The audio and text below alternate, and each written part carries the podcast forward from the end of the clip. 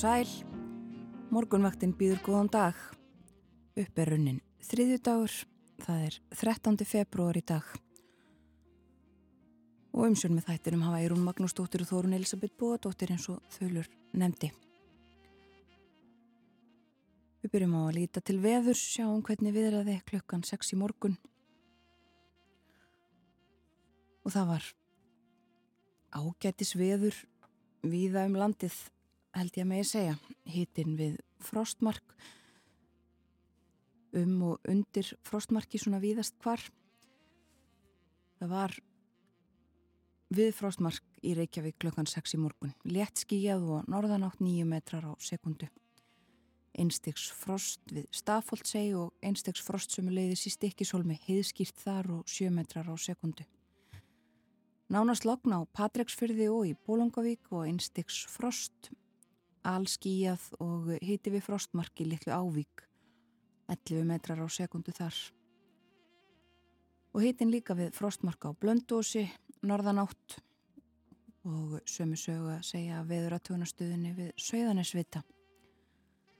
Einstiks hiti á Akureyri, norðan 9 metrar á sekundu, líka einstiks hiti á Húsavík og á Rauvarhöfn Þar voru tíu metrar. Einstig siti á skjaldþingstöðum og hægur vindur og nánast lokna á eigilstöðum og hitin við frostmark þar. Tveggja og þryggjastega hiti með fram suðausturströndinni og eh, tíu metrar á sekundu bæða á höfni hotnafyrði og kvískerjum. Örlítið hægari vindur á kirkibæjaklaustri en hvassast á veður Kortinu var á Stórhauðaði vestmannegjum 16 metrar á sekundu þar klukkan 6 í morgun og hitin við frostmark. Einstegsfrost svo í Árunesi og þryggja fjögura og fimmstega frost eh, á Hálendinu. Og þá að spánni fyrir daginn og kannski næstu daga. Við erum horfið í, í landinu í dag eru þannig að það er norðan 8-15 metrar á sekundu en staðbundin 15 til staðbundi 15-20 metrar á sekundu austan uræfa og það er gul veður viðverum frá klokkan 10 til 7 á Suðausturlandi ekki, ekki öðrum landslutum Í dag verða jélen bjart með köplum, sunnan og vestan til og hítir nálagt frostmarki. Það lægir heldur, léttir til og tól, kólunar talsvert í kvöld Það eru suðvestan 10-18 metra á sekund og jél á morgun, kvassast á vestfjörðum og norðurlandi en mun hægari og bjartveðri suðaustan og austanlands. Allvíða verður frostlaust vestan til en annars 0-5 stiga frost. Og svo á meðvöggudag þá er suðvestan 3-8 metra á sekundu en 8-13 norðvestanlands og dáldir snjó koma vestan til um tíma en annars bjart viðri að mestu. Hitti um og yfir frostmarki suðvestan til en frost annars 1-6 stig. Það er sem sagt ágetis veður á öskudag. Já, og í dag er sprengidagur. Já. Gott að nefna það strax. Aðeins að færð á vegum, það er þungfært á Mósulseiði, hálka og hálkublettir á nokkrum leiðum á Suðvestulandi. Það er flughálka í staðarsveit á Vesturlandi og hálka eða snjóþekja á flestum leiðum. Sömu leiðis hálka eða snjóþekja á flestum leiðum á vestfjörðum en þæfingsfærð á þröskuldum og þungfært á Bjarnafjörðarhálsi, ófært norður í Árnesrepp og ófært á Dinjandisheiði. Þæfingsfærð á Þverárfjalli og í almenningum á Norðurlandi, snjóþekja eða hálka með jælja gangi er á flestum öðrum leiðum. Sem leiðir snjóþekja á jælegangur á flestum leiðum á norðusturlandi, eitthvað um hálku eða krapa. Ófært á Dettifossvegi og þæfingsfærð á Hárekstaðaleið og Hófaskarði.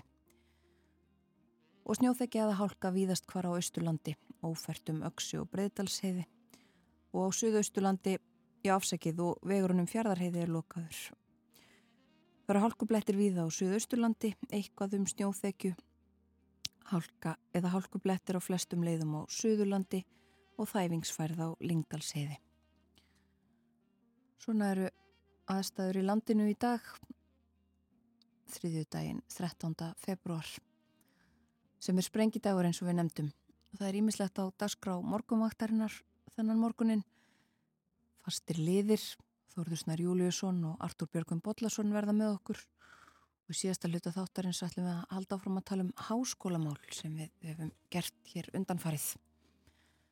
En það er líka tónlist á dagskráni og eh, við heyrum fyrsta lag þáttarins í dag. Það er hljómsveit Ingemars Eidal, Vilhelmur Vilhelmsson syngur Litla sæta ljúvan góða. Víða liggja leiðir, laungum út frá seyðir, margur sinni æsku heiðir út á göldum sæ. Langt frá heima högum, hef ég mörgum dögum, eitt og æsku árin streyma, en ég skal aldrei, aldrei gleyma, blíðri mig sem býður heima, bjarta nótt í mæ.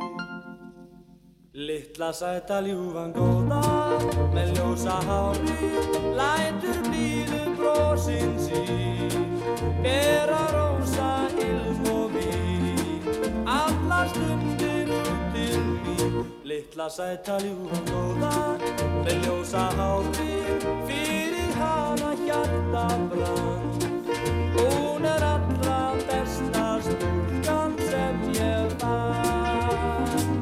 Hennar hlátur minnir mig á fossani, af hennar munni vil ég teiga sólstíni. Fossinn það sem hennar dillar til, er gossinn fyrsti minn. Hennar augu ljóma eins og hafi blá, ég hef ótrúlega hraðan hjartaslá. Er stúlkan sem ég einni að, enga Littla sæta ljúfan góða, með ljósa hári, fyrir hana hjarta brann.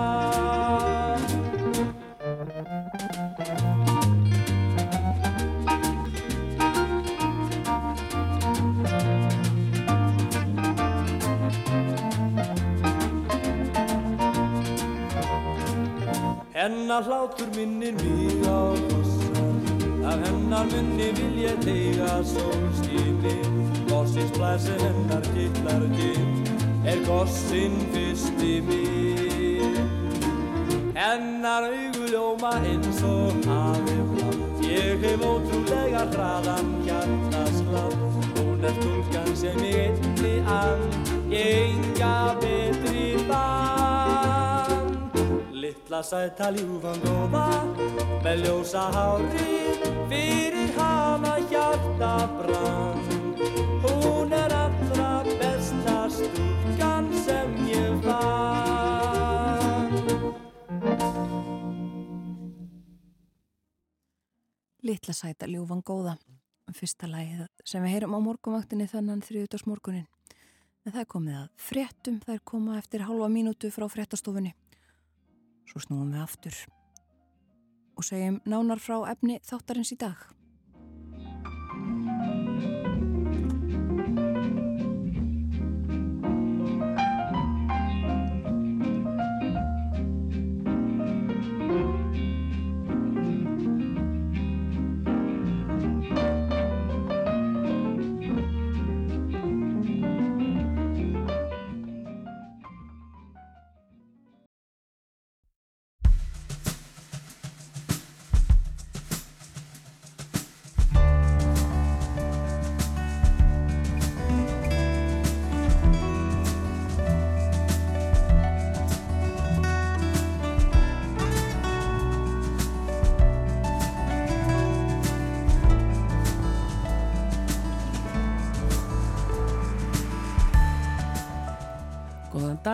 Morgunvaktin hilsar þriðudaginn 13. februar. Í dag er sprengidagur. Umsjónamenn þáttarins eru Eirún Magnúsdóttir og Þórun Elisabeth Bóadóttir. Skiptar skoðanir eru um frumvarp ríkistjórnarinnar um uppkaup og eignum grindvikinga en frumvarpið er meðal þess sem við ræðum þegar að Þórðursnar Júliusson rittstjóri heimildarinnar kemur til okkar klukkan hálf átta. Við ræðum líka við Þórðum aðrar framkvæmdir á Reykjanesi um kjærasamningsviðræður sem nú hefur verið slitið og um uppgjör stóra fyrirtækja sem týnast inn eitt af öðru. Kanslari Þískaland sátti fund með bandargeforsita á dögunum en það geti hafa verið þeirra síðasti fundur. Artur Björgvin Bodlason segir okkur betur frá þessum fundi leittóðuna og ýmsu fleiru í Berlínarspjallið að loknum morgunfréttum klukkan átta. Og Háskólinn á Hólum og Háskóli Íslands verða brátt hluti af svo kalladri Háskóla samstæðu. Hólmfríður Sveinsdóttir, rektor Háskólans á Hólum verður með okkur í síðasta hluta þáttarins og ræður um þetta nýja fyrirkomulagi háskólastarfi hér á landi. Lítum aðeins til veðurs. Við heyrðum að það er í gildi gul viðvörun á Suðausturlandi. Hún eh, gildir fram á kvöld en að öðru leiti er eh, Veðrið þannig að það er norðanátt á landinu, 8-15 metrar á sekundu í dag viðast hvaður, en kvassara sem sagt á Suðausturlandi. Jél en bjart með köplum sunnan og vestan til og hiti nálægt frostmarki. Það lægir heldur, léttir til og kólnar talsvert í kvöld. Og morgun verða suðvestan 10-18 metrar á sekundu og jél, kvassast á vestfjörðum og á Norðurlandi, mun hægari vindur og bjartviðri suðaustan og austanlands og allvíða frostlust vestan til en annars 0 til 5 stega frost. Svipað viður á fymtudag, hæg breytilega átt og víðast hvar og þurft að kalla. Frostlust síðst en annars eh, á bylinu 0 til 8 stig, mest frost inn til landsins og svo er hlínandi viður í kortunum á förstudag með söðlegum áttum og spár benda til þess að það eh, geti staðið fram yfir helgi verður hiti eh, víðast hvar um landið á förstu dag og svo um helgina eh, fram yfir mánudaga minnstakosti og uh, þá er það færðin. Það er þæfingsfærð á Mósfellsheiði en hálka eða hálkublettir á nokkrum leiðum á Suðvesturlandi. Svo er það á Vesturlandi þá er flughálka í staðarsveit hálka eða snjóþekja á flestum leiðum. og vegfærandur beðnir að sína aðgátt á brunni yfir Laxa og Snæfells Nesvegi, hún var fyrir skemdum. Það er ófært á Stengriðsferðarheiði og norður í Árnesrepp, þungfært á Bjarnarferðarhálsi en þæfingsfærð á Þröskuldum og hálka og snjóþekja á flestum öðrum leiðum á vestfjörðum og ófært um Dinjandisheiði. Það er þæfingsfærð á Öksnadalsheiði, Þverarfjalli og Almenningum og snjóþekja eða hálka með jæljagangi á flestum leiðum á Norðurlandi. Sömmulegis þæfingsfærð á Háregstaðaleið, Ljósavatskarði og Hóvaskarði og snjóþekja og jæljagangur á flestum leiðum á Norðausturlandi en ófært um Dettifossveg. Austurlandi snjóþekja eða hálka víðast hvar og það er ófært um Öksi og Breitalsheiði og fjardarheiði Vegurinn fjardarheiði er lokaður og Suðausturlandi er hálku blettir viða en eitthvað um snjóþekju. Það er þæfingsferð á Lingdalsheiði en hálka eða hálku blettir á flestum leiðum á Suðurlandi.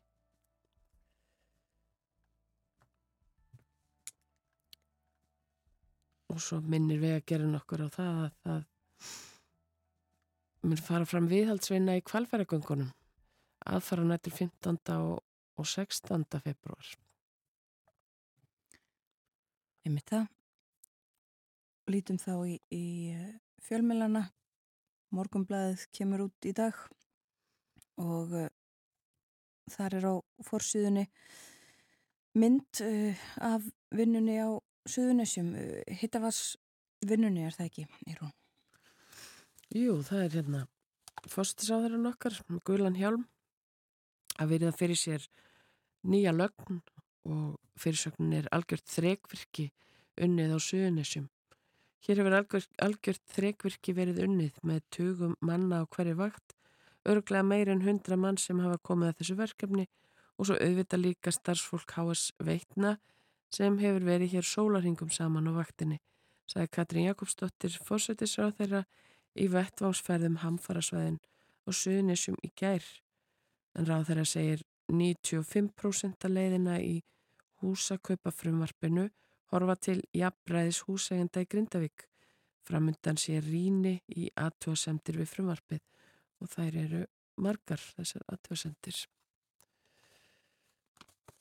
En það er líka frétt hér um Joe Biden, fósetta bandarækjana og það segir hér að aldur og andlegt atgerfi Joe Biden sé orðið aðal atriði kostningabaráttu Vestanhafs en fósittu kostningar fara þar fram 7. november í haust. Fósitin er 81 árs, elsti maður til þess að gegna fósita ennbætti en þykir utan við sig.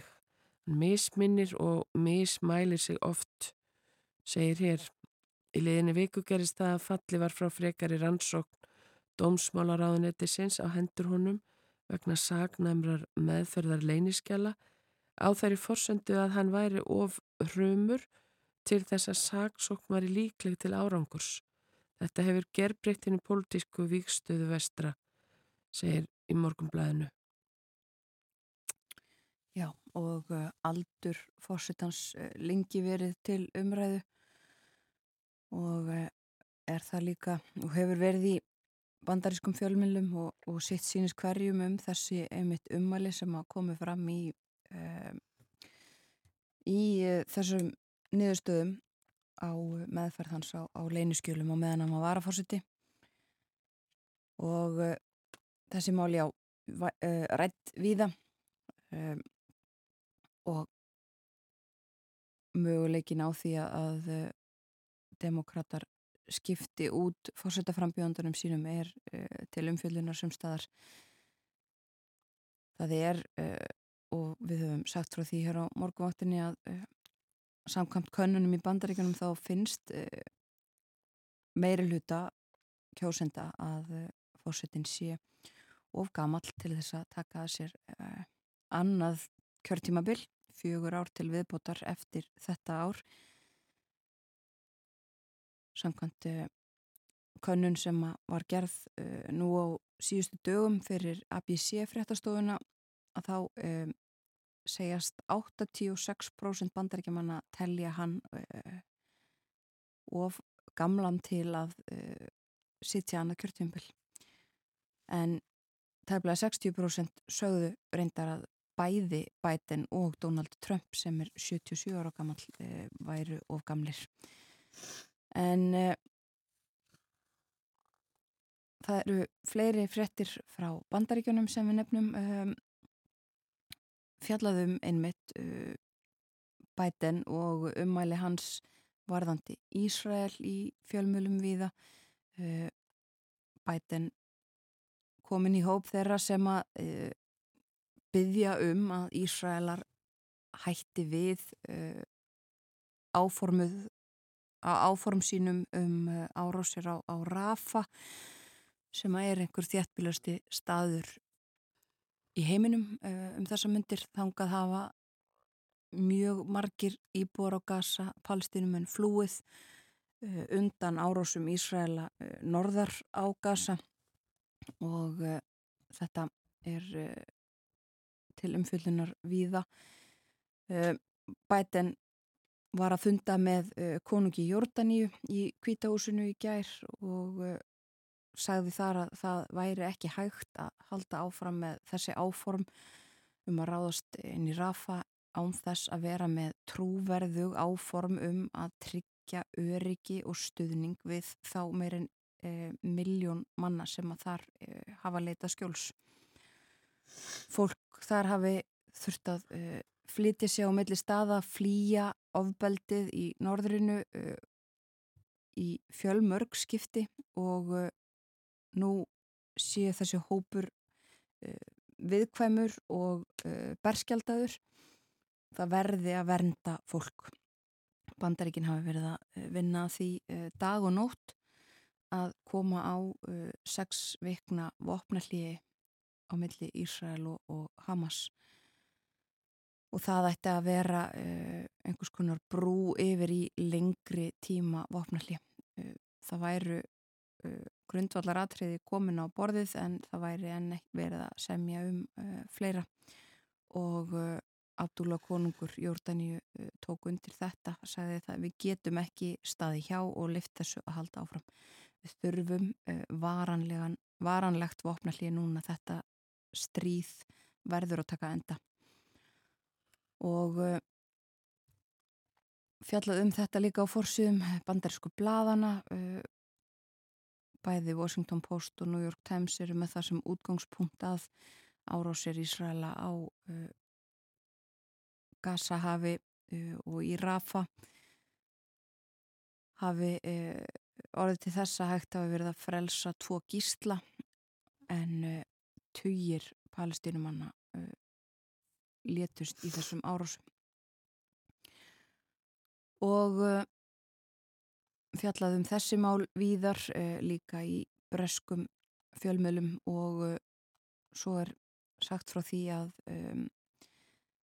að það séu fleiri á þessum vagnni að reyna að þrýsta á vopnalli en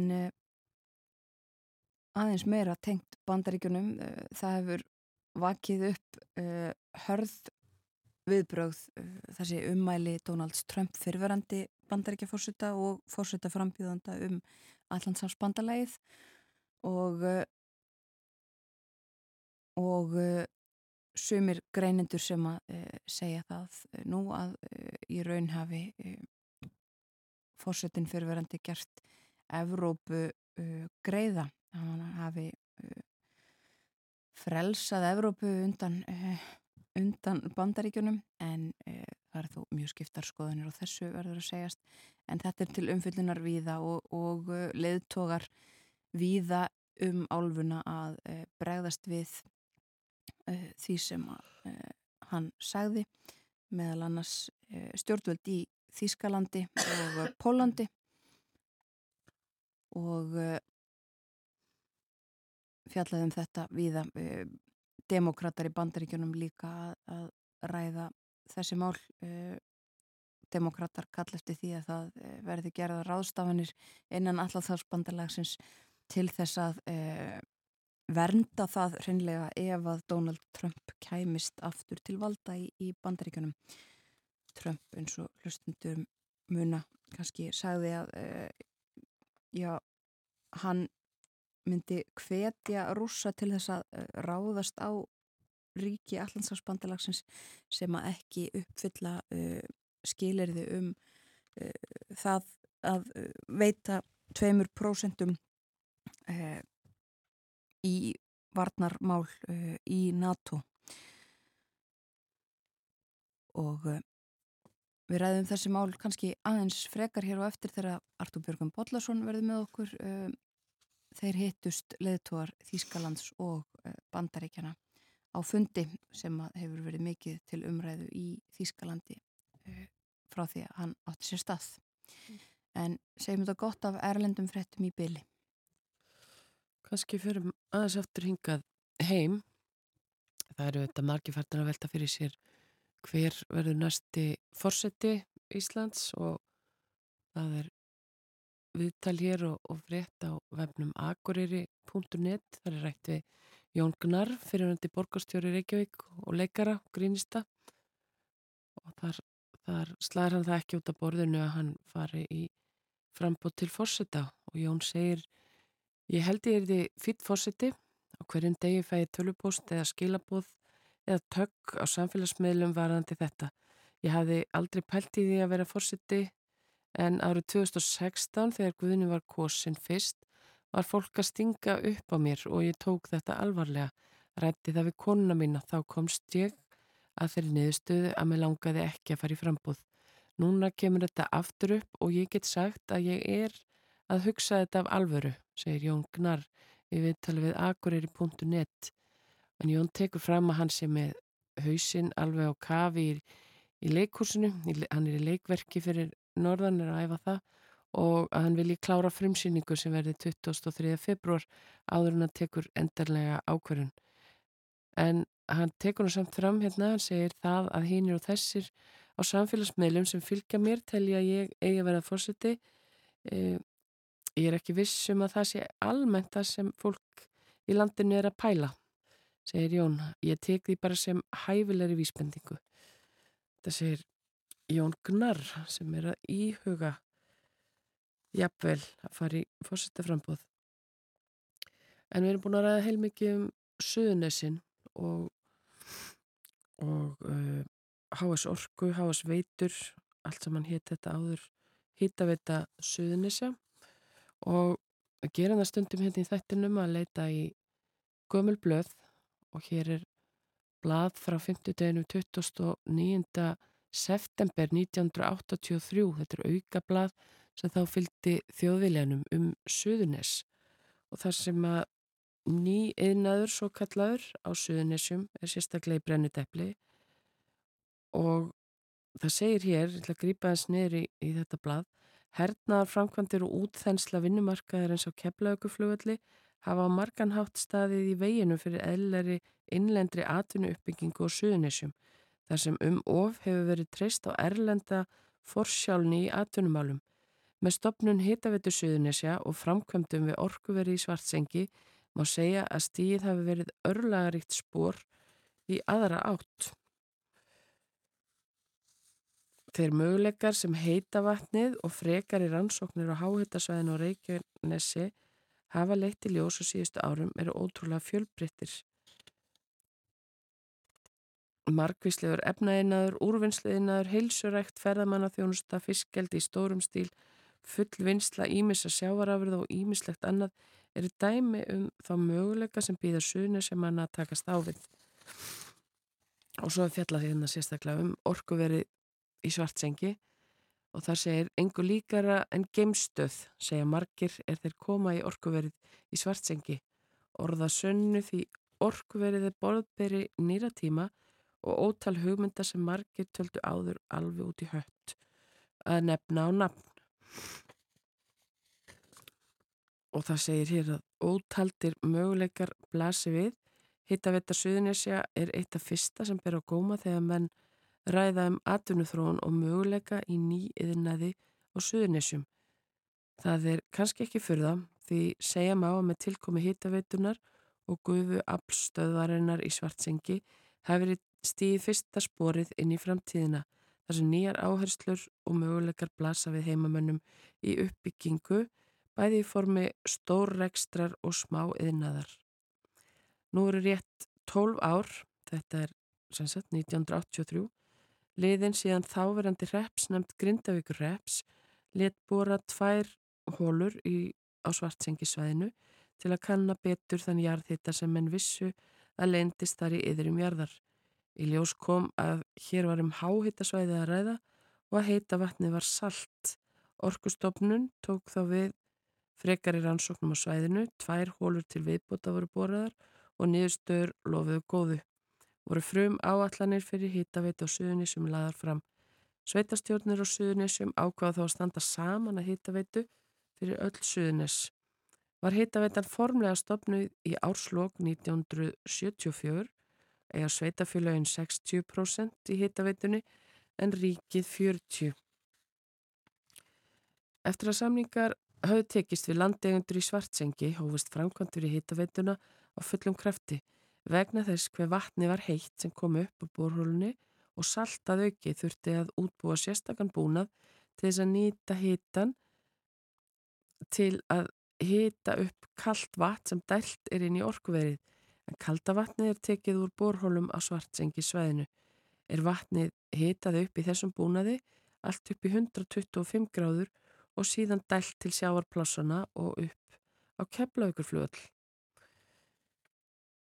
En það er ekki einungis heitt vatn sem framlegt er í orkustöðun í svartsengi, heldur er gufiðþrýstingurinn úr borhólunum nýttur til ramagsframlegslu sem gerir gott betur en að duga raforku þörf hittavetunar þótt aðeins lítill hluti að nýtanleira orkus í virkjaður. Þarna var fjallaðum um hittaveitu Suðunisja sem var mikil bylting á sínu tíma þegar orgu verið á svartsengi þessi geimstöð var tekin í nótkunn. Já, sem hefur sannlega verið mikið til umfullunar undanfarið. Við heyrum eitt lag áður með leipum frettastofunni að með yfirleitt morgumfretta. Heyrum uh, lagið Þú kistir mína hönd.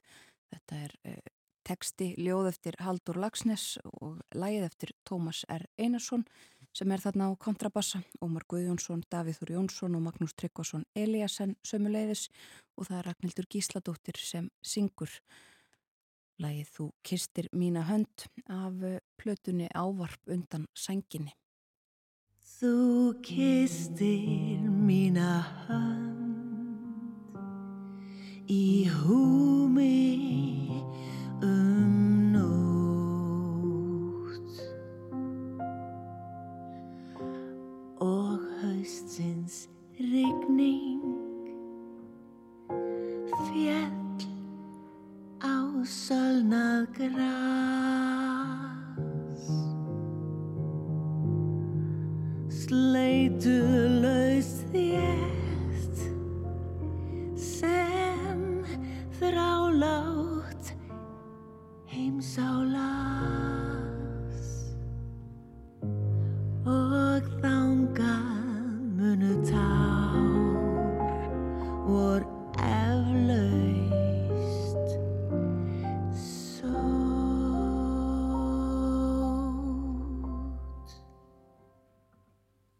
Þín ástríða var haf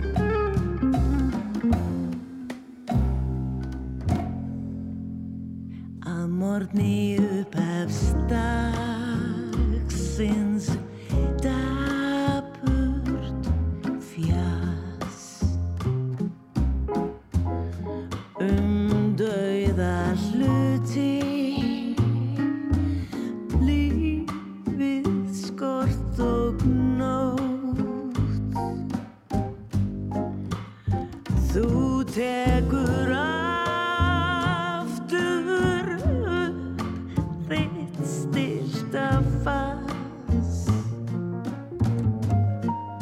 og annars þínar skildur kalt og rót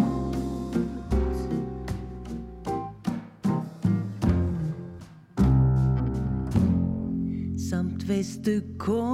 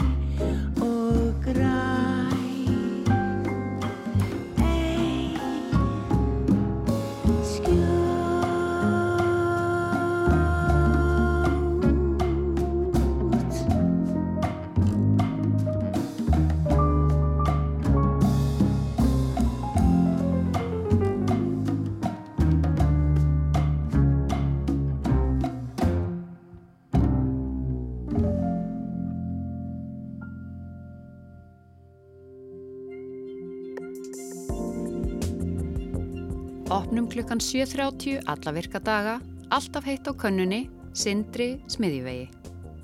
Golfferðir, golfferðir, úrvalútsín.is skipaskoðanir um all land, BSI á Íslandi. Þrýstilofslagnir, síjur og fittings, loft og ráftæki. 1700 Þinn fyrsti áfangastæður í heilbreyðiskerfinu er símanúmerið 1700 og netspjall heilsuveru. Þar færður áðgjöf og upplýsingar um hvert skal leita. Starfsfólk heilbreyðistjónustunar. Kolorex, betri innimáling á lægra verði, 20-40% afsláttur núna. Múrbúðinn, gott verð fyrir alla, alltaf. Fjölbreytt úrval skrippborstóla frá fremstu framleiðendum heims. Þú getur stólað á gæðin. Pennin húsgögn. Þór HF. Með þér í meira en 60 ár. 35% eldriborgar afsláttur, gleragnaverslunin Sjón Glæsibæ. Það er fiskur í matin í kvöld. Gríftu bræðgóðan og einfaldan fiskrétt á leiðinni heim. Krónan. Quickstep harðparkett á 25-50% afslætti. Harðviðaval. Vandaðu valið.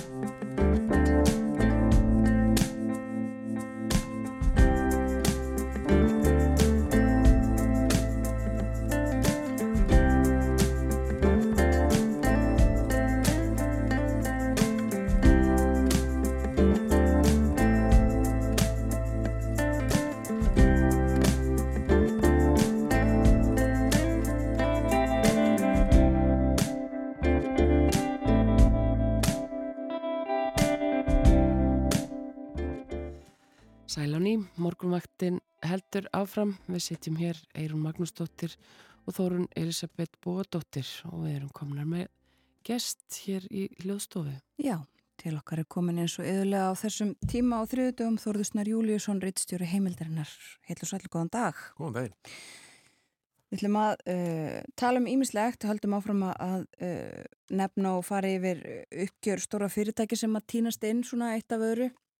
En uh, við ætlum að byrja á uh, að ræða málefni Grindavíkur og uh, það kannski ber þar hæst frumvarpið sem að leið dagsinsljós fyrir helgi um það að stjórnvöld hyggist kaupa upp eignir Grindvikinga. Já, þetta var tilkynnt á förstu daginn og var reynda búið að bóða það að það er tilkynnt á þeim degi með einhvernum fyrirvara og þá var líka e, kynnt drauga frumvarpi í samráðskátt sem samráðu var bóðið upp á e, þar til, til loka dags í gær.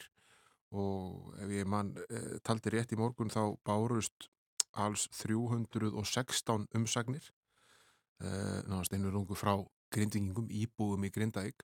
Og þær voru ansi margar. En ef við förum aðeins yfir þetta þá snýst þetta um það að e, ríkisjóður ætlar að stopna félag sem á að heita fastegnafélagi Þórkalla og fastnafélagi Þórkalla og að fá sambankalán frá böngunum sem hafa þegar lánað til íbúðakaupa í, í, hérna, í Grindavík fyrir andverði þeirra veðlána. Uh, og það er svona hérna, þau eru með 123 miljardar króna sem, sem sambankaláni þá kemur með inn í Þórgöllu. Og til viðbútar er reikna með alltaf 15 miljardum úr náttúruhamfara tryggingum inn í þennan sjóð og eftirstanda þá 23 miljardar af þeim 61 miljardi sem ríkið áallar að það kosti að kaupa upp allar íbúðar einingar í Grindavík uh, á 95% af brunabótamati. Já. Og uh, til útskýringar þá er brunabótamat heilt yfir í Grindavík herra en fastnamat, það er öðruvísi en hérna á höfbruksvæðinu þar sem fastnamatið er nánast án undatekninga herra en brunabótamatið en það er ekki þannig í öllum tilvikum uh, það eru þetta eignir í Grindavík þar sem fastnamatið er herra en brunabótamatið mm. og það sem auðvitað er uh, í Grindavík eins og með marga aðra, uh, mörg önnur sveitafjölu og svona kannski að þessari stærðagráð þá eru auðvitað hlutfall sérbílis mun hærra uh, þar en til dæmis hérna í svona mesta þéttbílin og höfbruksvæðinu einbilshús og, hérna, og stór parhús og annars mm. og það eru 1120 heimili í Grindavík þannig að þetta eru dágóð uppkaup. Þetta eru um 3700 mann sem þar búa og eða byggu það býr náttúrulega enginn þar eins og stendur. Og e, þetta þessi svona uppkaup þau hafa farið svona, eða þessar tillögur af uppkaupum hafa farið ja, ansi þversum ofan í ansi marga í, í, í Grindavík. Og það er margt þar sem er talið til auðvitað kannski ef við svona horfum á uh, það sem mun lenda á ríkisjóði það er að segja ef við horfum fram hjá því sem náttúru hann farið tringasjóður á að, að leggja til málana þá er þetta um 23 miljardar sem ríki þarf að leggja fram í eiginfjárframlag inn í þetta félag ef allir ákveða að selja Mhm. og það uh, svona þess að setja þá tölu í okkar samingi þá er á uh, fjárlögum þá er varasjóður ríkisjóðs og hann er um 45 miljardar og það eru svona cirka 20 miljardar af þeim 45 eirnamertir fyrir launahækkanir uh, ríkistarfsmanna sem kjæra samningar í gangi. En þá standa eftir hann einhverju 25 í þessum varasjóði. Og þannig að ríki gæti uh, greitt þetta og það myndi rúmast innan fjárheimilda ríkisins samkvæmt fjárlögum. Eh, Þetta er miklu minni aðgerinn til dæmis leiðrýtingin var á sínum tíma sem er svona núverði um 100 miljardar krónar sem ríkisjóður greitti út til, til hluta uh, landsmanna uh, sem svona sárabætur fyrir það að, að, að, að verðtriðu lánið þeirra hafði hækkað árunum 2008 og 2009. Mm. Þannig að hérna Þetta er svona, þetta er alveg biti sem ríkið á tiltölu auðvelt með að kingja svona einn og sér. Já. Eh, og eh, það er alveg svona ótillæti spurningar sem brenna á grindvingingunum. Eh, þeir telja þetta vera svona, eh, margir hverju vera ákveðna mismunun, ekki eru þetta aðtöðsend við það að margir hverju er að sé miða við 95% af brunabótamatinu en ekki 100. Já. Eh, það eru margir sem eru með mjög hagstaði lán, til dæmis fúst, fest lán á overtröfum vöxtum sem renn ekki út fyrir einhvern tímann í framtíðinni og vilja geta flutt þau lán með sér þegar þau kaupa sér nýja eign í staðin fyrir að vera knúin til þess að taka mun óhagstæðri ná- lán eins og staðan er í dag. Mm. Það, er, uh, það eru skilir í frumvarpinu um það að þú þarft að eiga lögheimili í, í húsnæðinu til þess að, hérna, að, að, að það sé uppkaupanlegt og margir þetta sem kannski tímabundið hafa flutt út á heimilinu sínu, að flutt erlendis, það var einum það og alltaf að koma aftur tilbaka á þessu ári og þá einhvern veginn telja sig ekki falla undir þessi skiliri og uh, svona þrýstingur á, á hitt og þetta. Svo hérna uh, blasir auðvitað við að fastnaverð í Grindavík og brunabótumat á eignum við Grindavík er mun læra en það er til dæmis á höfuborgarsvæðinu ef við komum allar að flytja á höfuborgarsvæð Mhm. þá er uh, fastegna mat fyrir íbúðir í Reykjavík er, er 25-6% herra en það var í Grindavík þannig að þú þetta finna í tölut viðbótar eigi fyrir til þess að vera gælgengur inn á mjög erfiðan markað hér á höfuborgarsvæðinu Já. Þetta er þessi margt, sko, nú ætlum ég ekki að ætla þér það að hafa lesið allar þessar 316 uh, aðtöðsendir en ég er svona, er að renna yfir þetta bara hérna inn í samráðskottinni og það er, það er ekki bara eitthvað eitt sem verið að gaggrina, það er, það er eins og nefnir, þetta er þáttið mörg atriði, er einhver von um að það verði einhver sátt um þessi uppköp?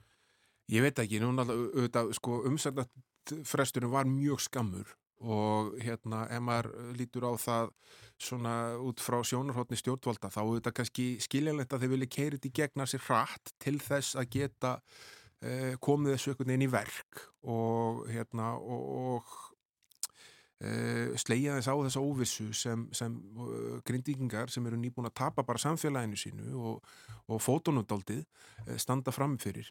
Uh, en á móti kemur auðvitað að hérna, skammur tími, umsagnatími yfir eina helgi, gefur ekki uh, mikil tækifæri til þess að göngjafa það sem fyrir er lagt. Og Uh, það eru rosalega mörg sjónum sem ég hef ekki átt að með ég, viðurkenni, ég er ekki búin að lesa þær allar en uh, svona fram eftir degi gerum við búin að lesa svona, fara yfir svona 250 að þeim að margar hverjar er ekkit mjög langar. Þar sem fólk er raunverulega benda á þá annmarka sem snúa að sér uh, og þannig líka þú veist fólk til dæmis sem kefti auka hamfaratryggingar sem það er að spyrja byttu á það ekki að gilda? Og ég get að fá það útgreitt? Og það er gert þetta aðtúasendi við það að, þetta fyrirkomulag sem er verið að setja upp að það um, gerir hérna bankanar þannig stata að þeir verða heilir. Það er að segja, þeir eru ekki að taka á sig hluta af uh, svona þeim afföllu sem verða vegna þess að, að, eignin sem þeir tóku veð í er ekki lengur íbúðarhæf og samfélagi þar sem eignin er í er uh, allan sem stendur ekki lengur til.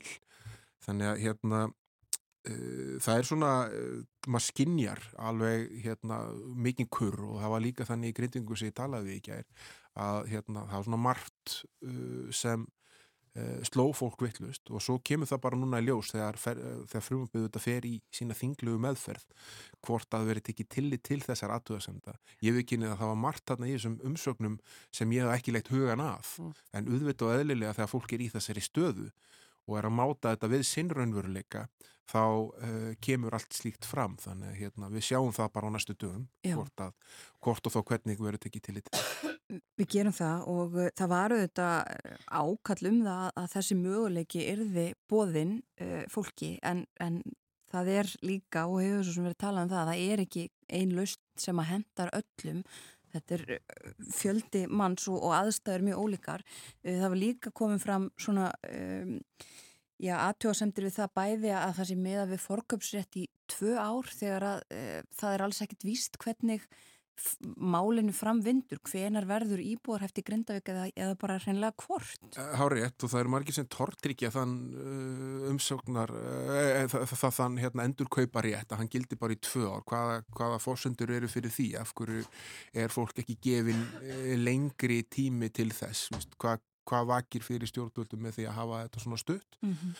Og, hérna, og þetta eru þetta, uh, held, held ég að sé nær öruglega eitthvað sem verður tekið til göngjæðilega skoðunar þegar þetta fer í þinglega meðferð og inn í nefndinar í alþingi. Já.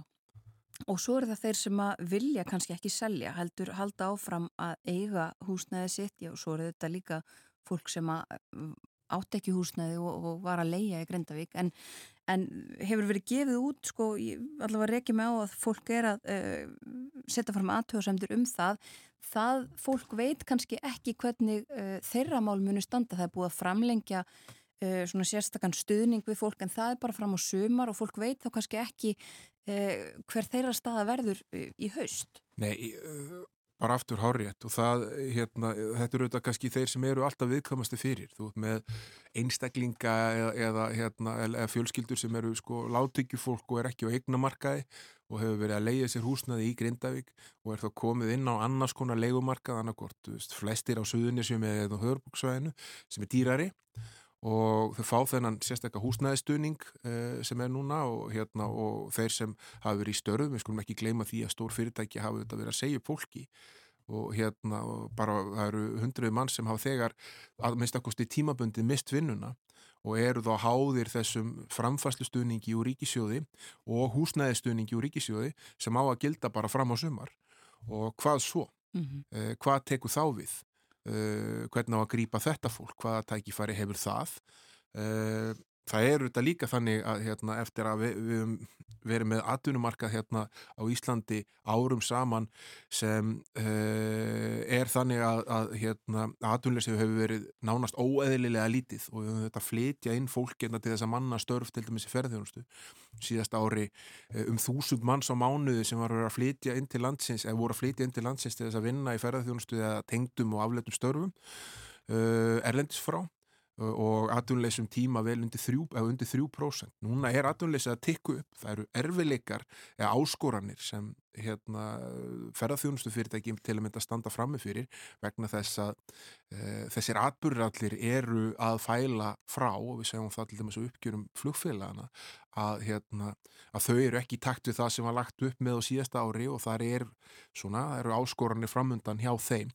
Þannig að það er líka svo staða uppi að, hérna, að atvinnumarkaðurinn er auðvitað þótt að atvinnuleysi sé þá látt á Íslandi að atvinnumarkaðurinn er að vera erfiðari.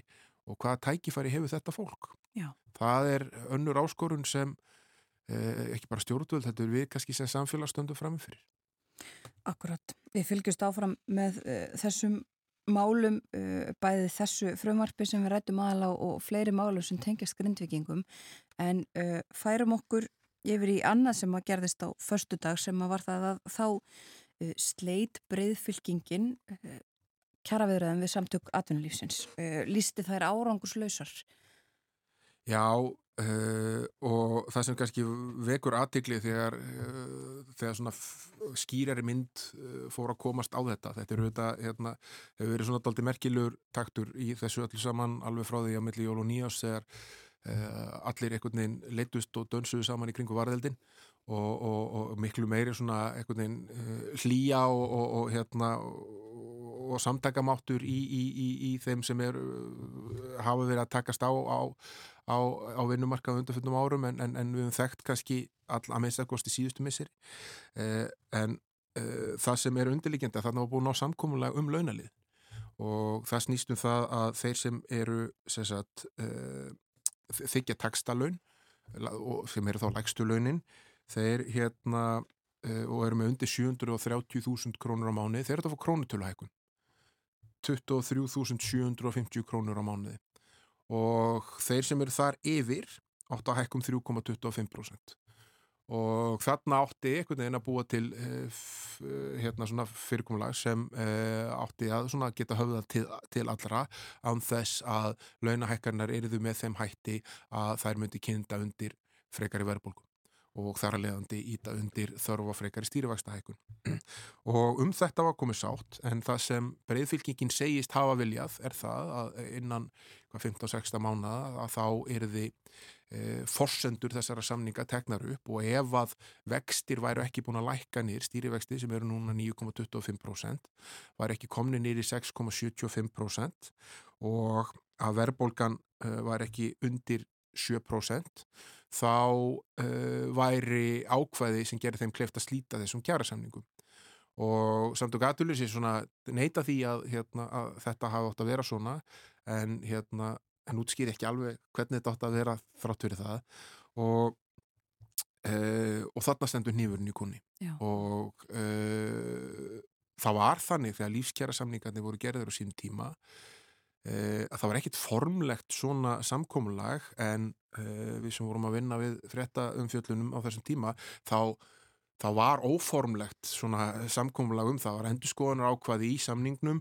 og það var svona sem, sem einhverjir af þeim sem voru stóðu í stafni þá köllu skúfusamkomulag um það að vextir þittu að fara niður fyrir ákveði mark uh, innan ákveðins tíma uh, til þess að, hérna, að samningar myndu halda og sem þeir og gerðu og vel það að innan þess tímamarka þannig að reyndi ekkit á þetta. Þannig að þetta er ekki eh, eitthvað sem hefur ekki verið gert áður og, og það voru mjög stór og sterk fórsendu ákvæði meðal annars í henni frægu þjóðasátt sem var gerð hérna í upphafi tíunda áratugurins en uh, samt og gatulísa var sagt að, að, að þau vilja virða sjálfstæði Sælabankans og ekki vera með fórsendu ákvæði inni sem einhvern veginn uh, íta á Sælabankan um það þegar hann er að reyna að halda sínu fjármálustöluleika hann verði að beita sínum vopnum á okkur nákvæðin hátti þess að viðhalda kæra samningu Já. En þannig að þessi krafa breyðfylkingarnar er kannski takt við eitthvað sem áður hefur verið gert en þetta er bara svona, þau vilja að þetta sé formleira en áður. Já, það, þau allan að, það virðist vera þannig og hérna uh, og auðvitað er krafan í takt við það sem allir sem sita við borðið segja sér markmið samningana. Það er að segja að vextir, læki og verðbólka haldist skapleiri.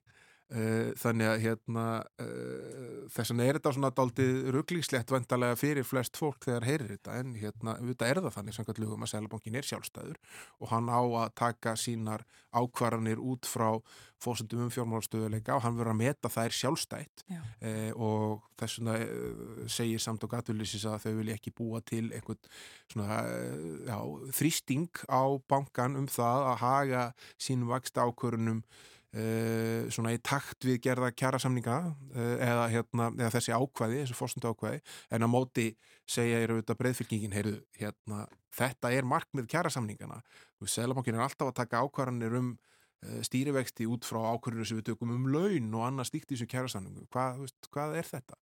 Þannig að hérna, þetta er eins og svo oft vil vera á þessu vettvangi mjög snúin staða. Já, og ekki verið búða til fundar uh, á milli, það er ekki talin ástæða til þess eins og stendur. Uh, við fylgjumst líka áfram með þessu. En uh, að síðustu þóruður allir að tala um uppgjör. Við töluðum um uppgjör landsbankans, nú eru komin uppgjör fyrir hína stóru bankana Íslandsbanka og Arjónbanka já, fyrir síðasta ár.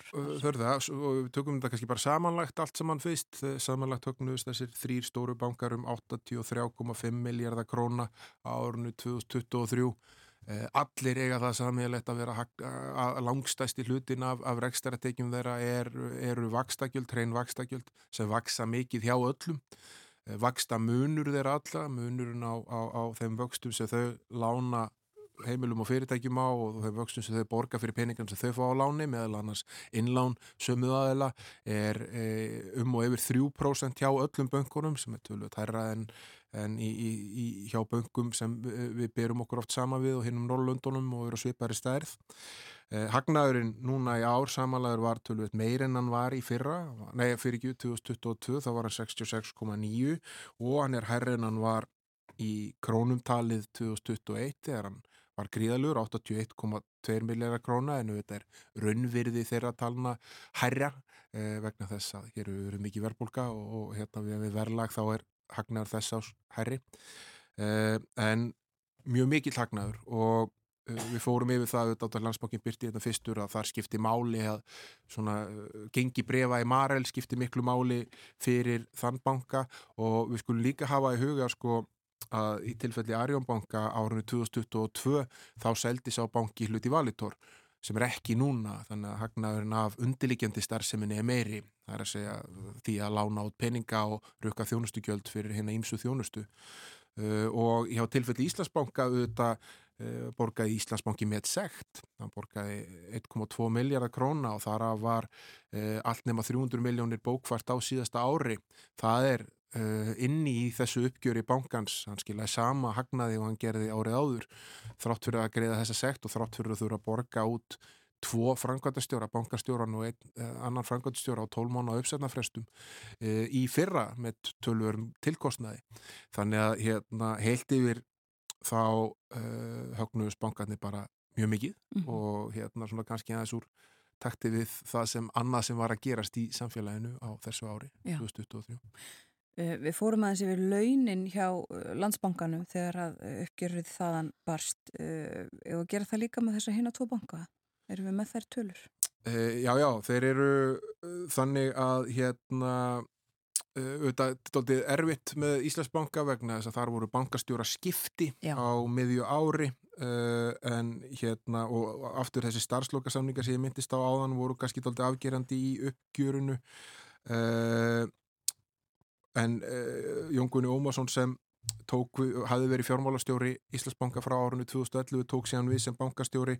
Hann var með um 4,8 miljónur ári fyrra en þetta er stór hluti þess, eða hluti þeirra lau- launa að mista kosti helmingur þegar hann er fjármálastjóri, ekki bankastjóri.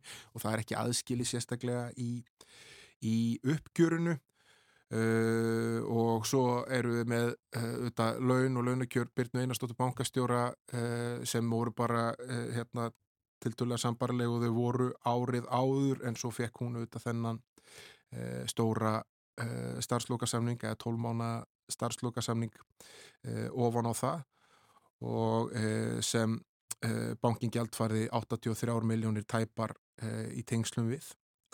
Uh, en hún var með um 6 miljónir króna á ári á árinu 2023 um, Arjón megin þá uh, var staðan þannig að uh, þeir bæði bankastjórin og, og ekki síður stjórnarformaðurinn hérna eh, eru ansi vel launaðir, bankastjórun er með svona nánast sömu launa á með árið 2022 en hann er með hæstu launatra bankastjóruna 7,2 miljónir króna meðaltali á mánuði.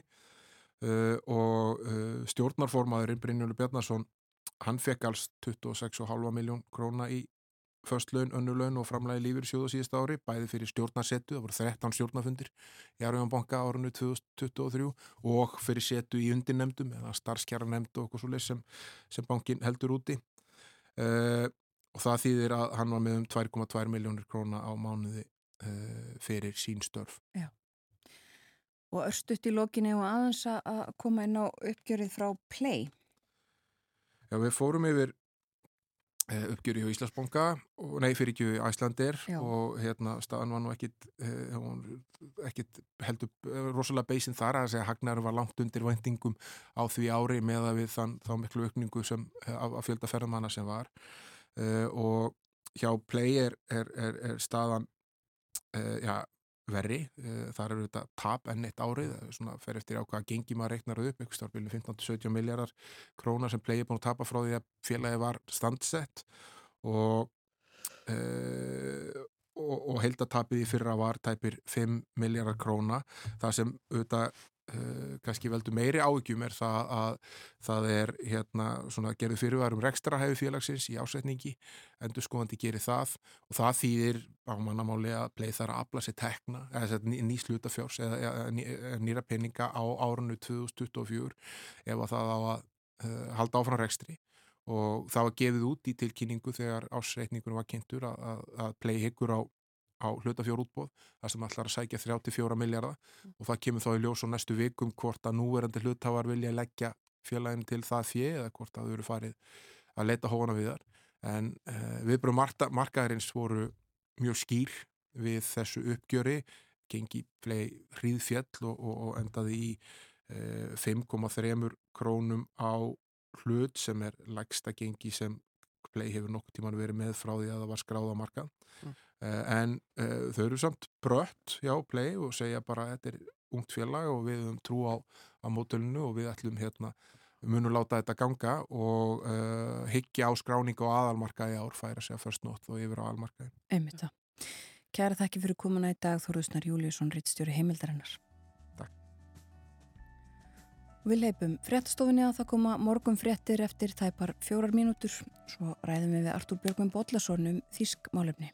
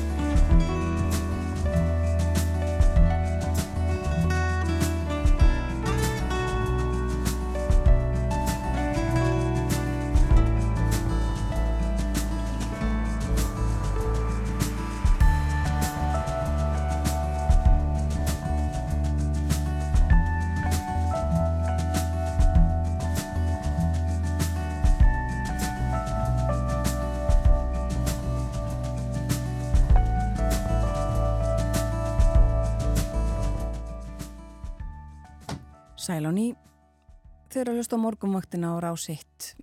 Morgun fréttinnar að baki, klukkan 6 mínútur gengin í nýju og það er þriðu dagur í dag. Og eins og yðurlega á þessum tíma þá erum við komin í samband við Artúr Björgvin Bodlasson. Góðan dag. Góðan daginn. Við ætlum að ræða ímislegt eins og venjulega ætlum að byrja í uh, stjórnmálunum, alþjóðastjórnmálunum. Já, það er kannski við hæfið að fara nokkur mórnum um heimsókn uh, Ólaf Scholz, kanslara Þýskarlands, til uh, Joe Bidens núna fyrir fáinnum dögum og þetta var ekki auðveld reysa fyrir Scholz, fyrir margar hlutafekkir og það var kannski táknall, má nefna það svona í, í byrjun, að, að vegna þess að Steinmeier Þýskarlandsfórsiti, hann var á ferð og flugi á sama tíma. Uh, þá þurfti hann að nota stóru flugvíðina af gerðinni Airbus A350 sem að því stjórnmjöld hafa til umráða fyrir uh, oddvita sína í, í stjórnmálunum og, og uh, sjálf þurfti því að gera sér að góðu minni gerð af Airbus eða A321 eins og það hittir en svo vél er ekki ja, langdræg eins og vélinn sem að Steinmeier var að fljúa með. Og þess vegna, og það er alltaf merkilegt, var að kanslarina millilenda til þess að taka bensín og hvar? Jú, á Íslandi, í Keflavík. Já. Og uh, þetta er svolítið merkilegt að, að, að þessi millilending á Keflavíkufljóðvilli, hún var óhjákvæmileg vegna þess að veðinu dregur ekki allarleið og hefur ekki nóg elst, þetta er allarleið til bandaríkjana. En þetta tröflaði nú sjálfsvistist vera ekki mjög mikið því að þegar að við var aftur komið til loftir þá uh, sögðu bladamenn setna frá því sem að uh, voru með kanslarinn að uh, hann hafi verið hinn festasti með þessa rendingu þarna í Keflavík og, og sagt að það væri nú ekki á hverjum degi sem að hann fengi að sjá blossa og loga frá eldgósi því að uh, þetta var okkur að þegar var þarna á, á Suðunisum. Þannig að uh, hann sem sagt fekk eldgós í þokkabót. Og svo náttúrulega var nú, nú kannski ekki eins miklar glæringar í gangi eins og Reykjanesunni þegar til bandaríkjana komst því að þessi fundur var margt uh, svona erfiður eins og segi.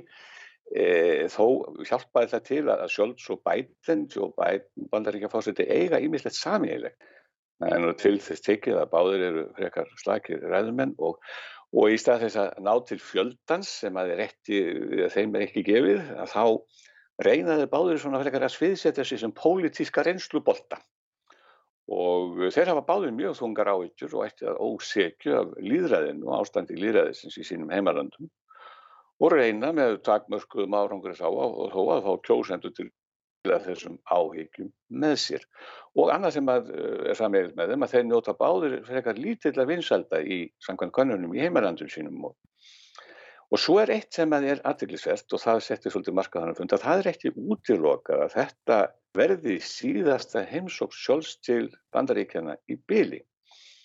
Því að e, það er nú nýmist tekna loft um að Donald Trump fyrir um fórseti muni sigra í kostningunum í nógumber þó að engi getur náttúrulega spáð fyrir það með nefnir vissu en, en, en teknir og loft um það og e, það er þannig að ef að það gerist að þá verður nú Þýskararskanslari sennilega ekki mikill auðfúsu gestur í kvítahúsinu næstu árin. Nei. Og e, því stjórnmöld eru reyndar, þá kannski nefna, eru reyndar farin að búa sig undir svona ákveðna hryllingssviðsmynd eins og sem er við að kalla það uh, ef að Trump kemist til valda því að hann er náttúrulega ekki mikill Evrópusinnis og ekki þessi dýpar í árinni tekið og uh, hann er búin að hóta Evrópuríkjum og það er með Þískalandi öllu ídlu, svo má segja. Og Make America Great Again náttúrulega er ekki beininnis alþjóðislagur Þess vegna telja svona glöggir fréttaskýrindur að Scholz verði og þurfi núna að fara að búa sig undir það að Evrópuríkin undir fórustu Þískarans verði til dæmis að sjá um að hjálpa ókrænumönnum að verðast yfirgangi rúsa því að mjög skilst að mönnum skilst að Trump sé nú ekki sérstaklega áhuga saman með þessar þennar stöðning við Úkrænu ekkert skilst vegna þess að hann reyndi um í bandaríska tingjunu eftir því sem að hrettir herma að koma í vekk fyrir að republikana samþyktu uh, þennan stuðning eða fjár, frekari fjárhærslega stuðning. Og svo er hann ekki sérstaklega Brandberg er sérstaklega svona vinur í misa ríka innan NATO bandalagsins þannig að að þegar hann kemst til valda þá er viðbúið að varnar máttur Evroparíkja gagvart sjúka einræðis er í Kremla, hann geti vext inn mikill að muna. Þannig að það stefnir í ímislegt varðandi samskipti Þískarlands og Bandaríkina. Það er að segja með þessum fyrirværa auðvitað að það gerist sem að menn óttast og það sé ekki vissa fyrir því að Donald Trump muni lesa Joe Biden af holmi. En mm. þetta var sem sagt, þeir rættu náttúrulega auðvitað um, um Ukrænu og Scholz það er svolítið merkilegt að, að, að, og kannski taka það fram að það hafa orðið svolítið hlutverkaskipti á milli bandaríkjafórseta og, og þýskanarskanslara varðandi stuðning við Úkrænu. Framan af eftir að stríði byrjaði, e, eftir að rúsar réðust inn í Úkrænu, þá uh, voru bandaríkinn strax komin á, vettvang, þar að segja komin uh, fram á sjónasviði með stuðning og verulegan fjárhagsstuðning og, og hernaðarlegan stuðning við Úkrænumenn, en sjóðverjum undir fórustu Scholz var eigið á hálsvið fyrir að vera allt of línir og allt of treyið til að samþykja til dæmis uh, að senda hergögn, ákveðin hergögn til, til Ukrænu og nú frækt að Þýski Varnamálar sem þar var, hún er nú hægt, uh, núna ekki lengur í ennbætti, en hún uh, sagt, kom frem í fréttum og, og sagði að þjóðverðar myndu styrkja Ukrænum en mjög vel í þessu stíði því þeir ætlaði að senda þeim 5.000 hjálma. Það var náttúrulega hleyið þessum alla heimsbyðina því að á meðan voru bandaríkjumenn að senda þeim anskóla stíðstólu og þínit en þauður er alltaf að setja hjálma á höfuðið á ukrainskum hermunum. En nú er þetta snúist við. Nú satt sjálf þarna sem uh, harður stuðnismæðu þess að veita ukrainum allan mögulegan herrlegan og fjárhærslegan stuðningi stríðinu við innrásar hér rúsa. En uh, Joe Biden, aftur á móti, gæt nú ekki mikið gert eða sagt vegna þess að hún tókst ekki að koma uh, fjárhærslegum stuðningi í gegnum bandaríkjað þingi þannig að, að hlutverkinn hafa svolítið víkslastafn en, eh, en sem sagt uh, þannig var þetta, var þetta svona svolítið marg, þetta var ekki langu fundur þetta voru einn og hálfan tíma saman á, á, á tekja manna tali undir fjögur augu. En uh, En svo náttúrulega eftir að koma í ljós hvað þeim fór þar á milli, það er eitt alveg vita því það var ekkit vitni að þeim þessum lokaða fundi sem þið heldur. Nei, og eins og segir líka uh, stjórnvöld og, og, fólk í Þískalandi og víðar farið að einmitt undirbúa sig undir þetta uh, hvað gerist ef að Trump nær kjöri í nóvember. Já, þetta er aðal óttin má segja og þetta er það sem að menn hafa mikið verið að spjalla um, þískir stjórnmálamenn og þískir fjölmiðar hafa mikið verið að fjalla um hvað muni gerast og hvaða áhrif þetta muni hafa og þetta náttúrulega mun mögulega þýða það ef að, ef að til þess kemur að hann nær völdum að þjóðverðir að Þískaland fær miklu meira vægi til dæmis í NATO og uh, gagvar stríðinu í Úkræðinu og stuðningi í Úkræðinu. Já, einmitt það við fylgjumst áfram með þessu auðvitað. Uh, eigum við að huga næsta menningunni. Það eru uh, tímamót á þessu ári. Já, það er alltaf einhver tímamót og nú eru liðin á þessu ári 100 ár frá því einna merkustu og stórbrotnustu höfundum á Þískatungu, Frans Kafka fjall frá og Frans Kafka þekkja nú svolítið dýmsir því að hann hefur verið tölvið þýttur á íslensku. Og verður að taka fram að um, fyrir utan það að, að hann er Pétursson skald þýtt á sínum tíma söguna hans hamskiptin sem að maður las nú ungur maður með gríðalögum af gríðalögum áhuga að þá hafa þeir feðgarnir eh, Eistið Þorvaldsson og, og Ástæður Eistinsson þýtt flest öll eh, verk eða stærstan hlutaverka Kafkas á íslensku. Ákvæmlega merkileg starf en þetta var e, þessi ágæti höfundur sem að fættist ára 1883 í Prag hann hefur uh, markað djúbspor í, í físka menningar og bókmyndasögu.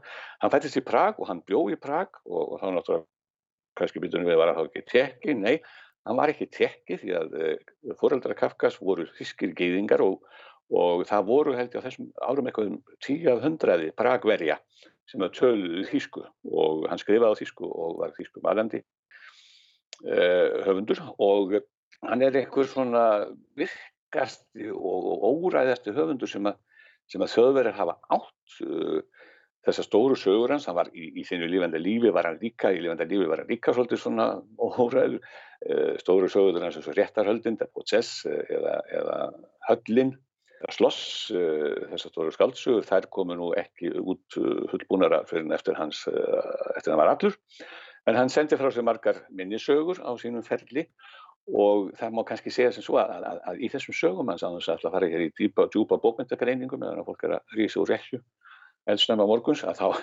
þá eru þessar sögur hans þannig að í þeim er svona fáránleikin alls og gróteskan allsþáðandi og, uh, margar þeirra enginnast að því að, að sögupersonarnar er að sækjast eftir réttlæti en það er alltaf utan seglingar og, og uh, til dæmis uh, í, hérna, í, í réttarhaldunum sko, þá er maður handlikinn og svo er hann að svægast ekki um réttarkefni en hann veit aldrei fyrir hvað hann er ásakaður. Og okkur menn voru að handlaka hann og hvað hann hefur gert af sig því hann hefur ekki gert af sig svo hann viti. Og e, þetta er sagt, mjög djúb pæltar sögur hjá Kafka. Uh, það er að vera útlaður á mjög marga vísu en, en fáránleikin er alltaf til staðar. Og það má segja eins og svo hann skrifaði líka sögu um bandaríkin. uh, sem að, var ekki full gerð en uh, á þess að fara út í það þá telja nú margir að, að svo fáranleiki sem er svolítið hefur við í gangi í bandaríkjónum hann hefur nú verið, honum hefur nú verið spáð í sögu Kafkas og hann hefur séð inn í fremtíðina þar og hann einfallega svona hann uh, má segja lýsir þessari sókmanna sem hefur nú oft verið afskaplega árangus lítil eftir því að fá að njóta réttlætis í þessum heimi og svo náttúrulega því þeim fáranleika sem er einkennir mælið samfélag uh, mjög oft og ekki sísta okkar tím og við horfum á ástand heimsins í dag það má segja sem svo að, að þessi fáranleiki sem Kafka er í vísa hans sé hreint ekki svo langt frá þennan öfruleika sem við búum við. Það er í smáall því, því, því sambandi. En það er, er mjög gaman að því að að nefna að Kafka nefnilega hann, hann skrifaði svona svolítið eins og þessi refsin í lindunni sem er einum uppáhaldsögum eftir hann það sem að fólk er sagt, dæmt og, og, og refsingin er svo að að, að, sagt, að, að dómurinn sem það fær eða refsingin sem það fær er, er greift í, í holdið á því það er bara, bara trendað á skinnið sko Já.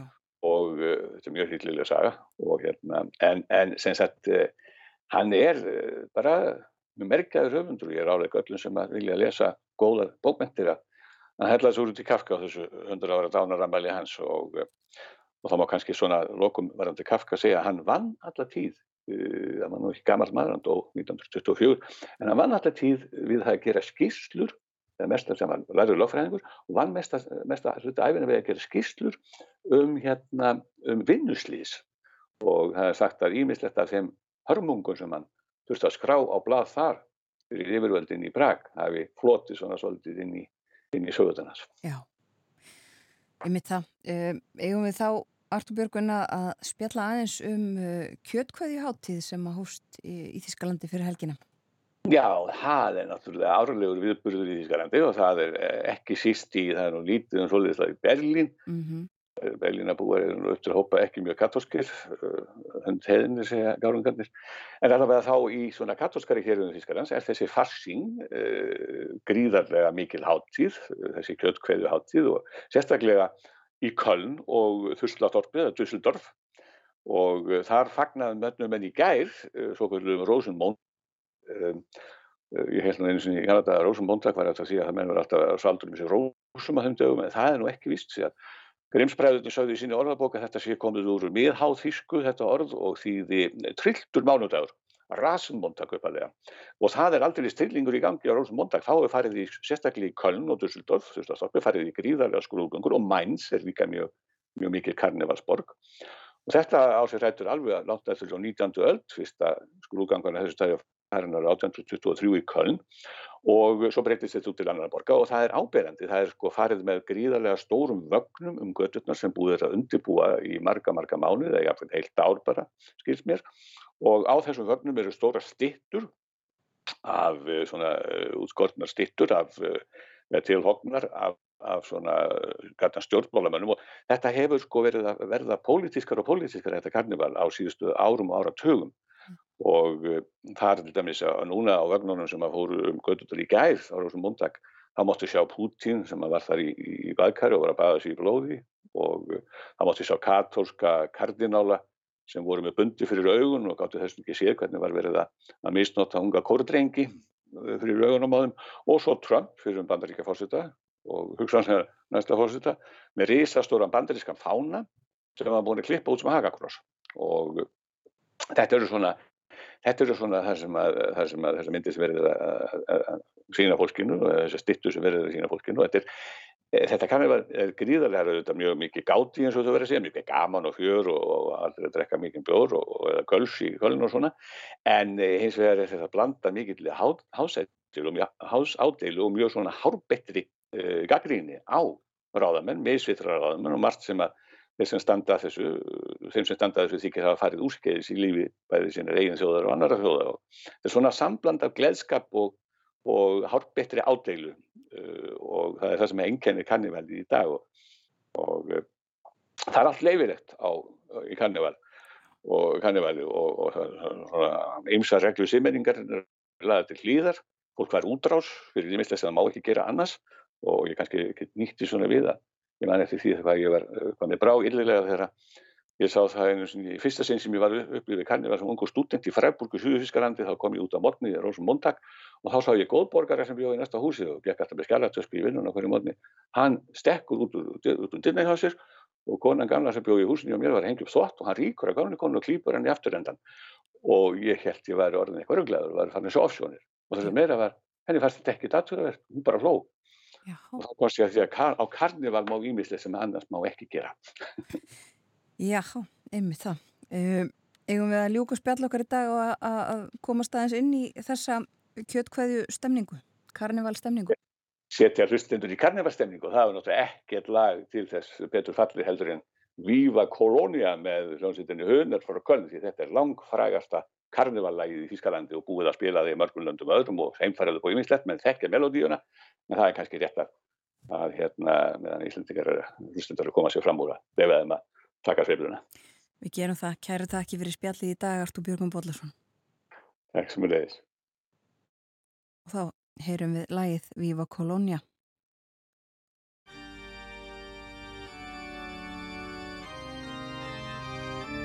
Midna Partner się bohre dort um in der Tech, Hammer uns geschworen, mir ja unsere Weg. Alles, was man kriegen können, nehmen wir auch mit. Weil es jede Augenblick nur einmal geht.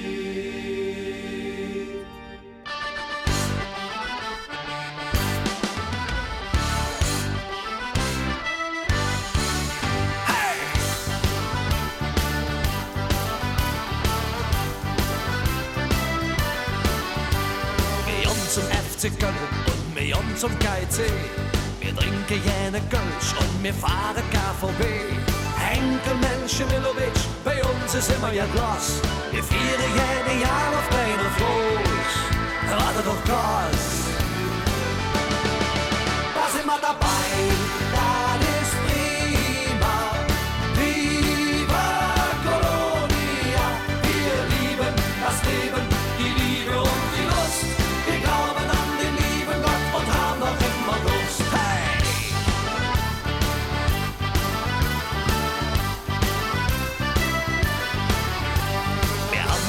danske krymmel und Arschhuse hæset hey. Alar for brusemorder, und aloha CSD. Wir sind multikulinarisch, wir sind multikulturell.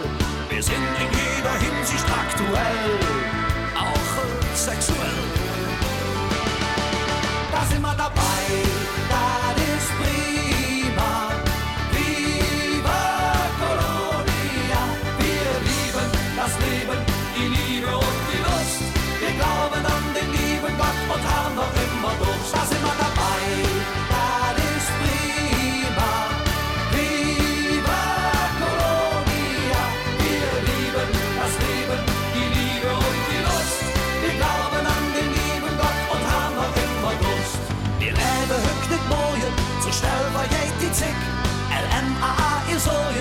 Leben der Augenblick.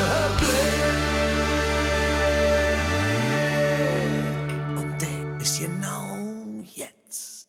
Da sind wir dabei, das ist prima. Viva Colonia, wir lieben das Leben, die Liebe und die Lust. Wir glauben an den lieben Gott und haben noch immer Durst.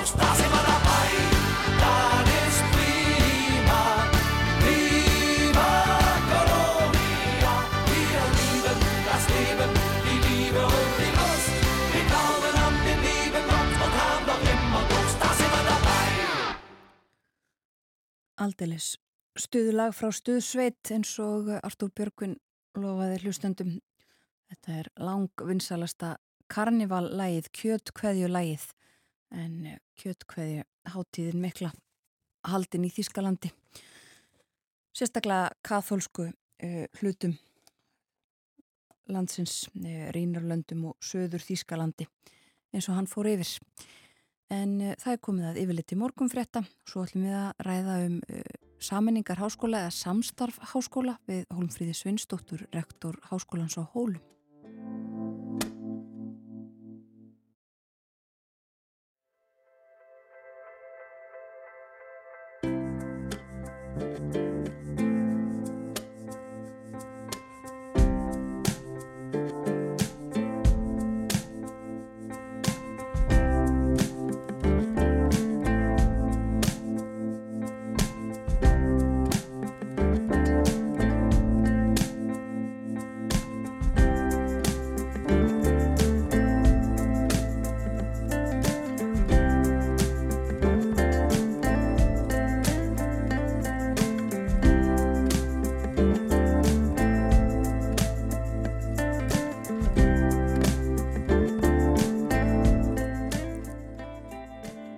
Á ný, morguvaktin heldur áfram.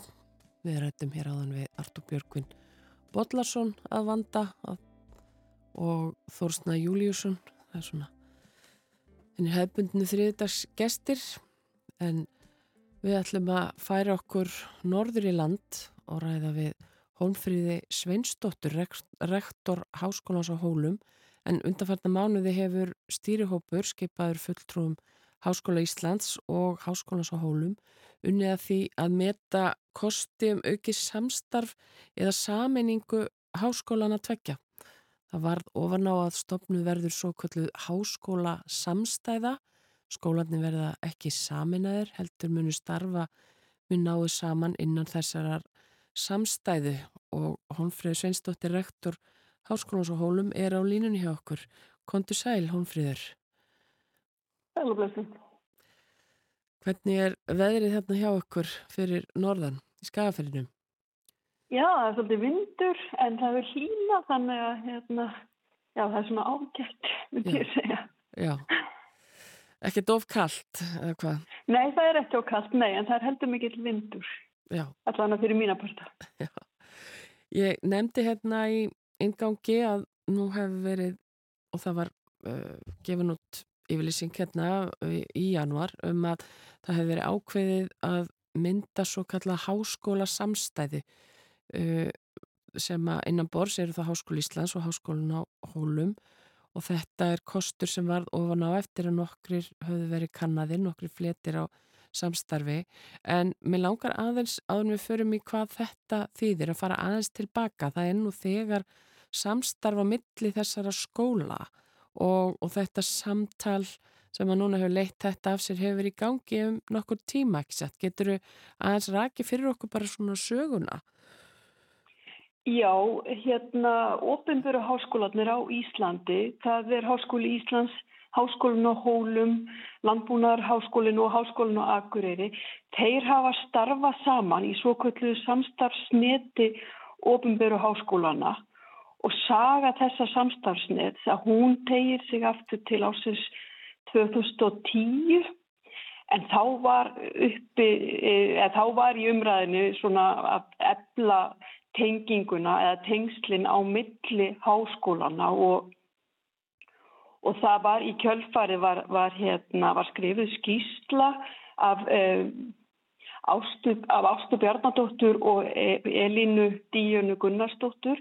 Það fóru til bandaríkjana og kynntu sér bæði samstafsnet og háskóla samstæður á svæði sem kallast Nýja England og ja. skiliðu skýslu í kjölfarið og hérna þessar mátu sem sagt eh, kosti og galla þessar að tvekja rekstrar forma, ef hægt er að segja svo, háskóla og hérna og úrvarða samstarfsnett ofnbæra háskóla var stopnað mm. og e, þetta, e, þarna eru við sagt, e, eða inn í þessu samstarfsneti að þá eru við, þá reka skólanir e, sameilega þjónustu. Eins og til dæmis eru við með sameilegan persónuvendafulltrúa, við erum með e, að hluta til sameilega lögfræði þjónustu, tölvi þjónusta sem að kallast Ugglan sem er þjónusta við nefnendur er þarna inn í þessu samstarfsneti. Og síðan hefur við fært mat á akademískum starfsmönnum inn í þetta samstarfsnet. Þannig að e, við erum í heilmiklu samstarfi og þetta er að mínum mati mjög gott samstarf. Mm. og e, Háskóli Íslands og Háskólinn Hólum hafa ákveðurunni bara að taka þetta enn lengra og og fara út í svo kallað háskóla samstæð þar sem að er í rauninni mun meira og nánara samstæð heldur en í svona samstæðsneti. Já, og hérna förum þá aðeins einmitt nánar út, út í það háskóla samstæði, þetta er svona þetta er nýtt orð fyrir okkur flestum held ég, þetta hefur ekki verið heyrst hér á landi áður. Hvaða fyrir bara er háskóla samstæða? Sko, þetta, já eins og þú segir að þá er þetta, e, þetta er nýtt hérna á Íslandi en þetta er, þetta er til dæmis í held ég bara öllum fylgjum bandaríkjana nema einu og það eru margir Íslandingar sem að þekka University of Highlands and Islands í Skotlandi, það er svona háskóla samstæða en það mætti kannski skilgreina þetta sem hópháskóla sem starfa sjálfstætt hverjundi stjórn síns rektors en þeir lúta samt sem áður sameileri yfirstjórn og sameileri stjórn sem er þá stjórn samstæðunar. Þannig að skólanir halda sjálfstæði sínu en eru samt með sameila yfirstjórn. Já, en að en það verður starfsemi, starfsemin helst að miklu leiti óbreytt. Það er að segja að það verður starfsemi áfram á hólum og sögokróki eins og verið hefur og, svo, og, og það er kannski ekki það mikil skörun á milli deilda eða þannig, Háskóli Íslands og, og Háskólinn í Hólum, há, Hólum er, a, er að kenna kannski miklu leiti ólíkar hluti uh, en, en er, er þá samstarfi fyrst og fremst í þessari stóðþjónustu og svo svona stjórnun yfir stjórn skólans? Já, kannski til þess að byrja með sko, en hérna bara þannig að það sé sagt sko að við erum í rauninni, e, við, erum að, við erum að stækka kökuna sko þannig að við erum, e, þetta er eins og þú segir sko, erum ekki, það er ekki mikil skurun þrátt fyrir að það hafi verið mikil samstarf, akademist samstarf á millið þessara skóla. Og með því að fara inn í svona náið samstarf þá erum við að, e, að auka möguleikana og tækifærna á því að bjóða upp á mjög, mjög mikið af tverrfaglegum námsleiðum og eins og bara til dæmis, eða til þess að nefna eitt dæmi bara eins og til dæmis að þá hefur við verið eini háskólinn sem að hefur haldið úti námi í fiskeldi. Og með auknu samstarfi við Háskóla Íslands að þá getur við fara að bjóða upp á námsleiðir í fiskeldi með áherslu á viðskiptafræði með áherslu á, uh, á, á þá bara til dæmis eins og lögfræði og annað þannig að við, við komum til með að geta bóðið upp á meira af þverfaglegum námsleifum. Já. Uh, Þannig að það er svona eitt, eitt, eitt af ávinningunum en, mm. en e, það er mjög mikilvægt að hafa það í huga af hverju þessar háskólasamstæði voru stopnaður á sínum tíma í bandaríkjunum. Af hverju á lög svona mikil áherslu á þetta. Það var til þess að ebla svæðin. Það var til þess að byggja undir hérna, byggðunar sko. Skólanir voru nýttir til þess að, til þess að, hérna, að ebla byggðafrón.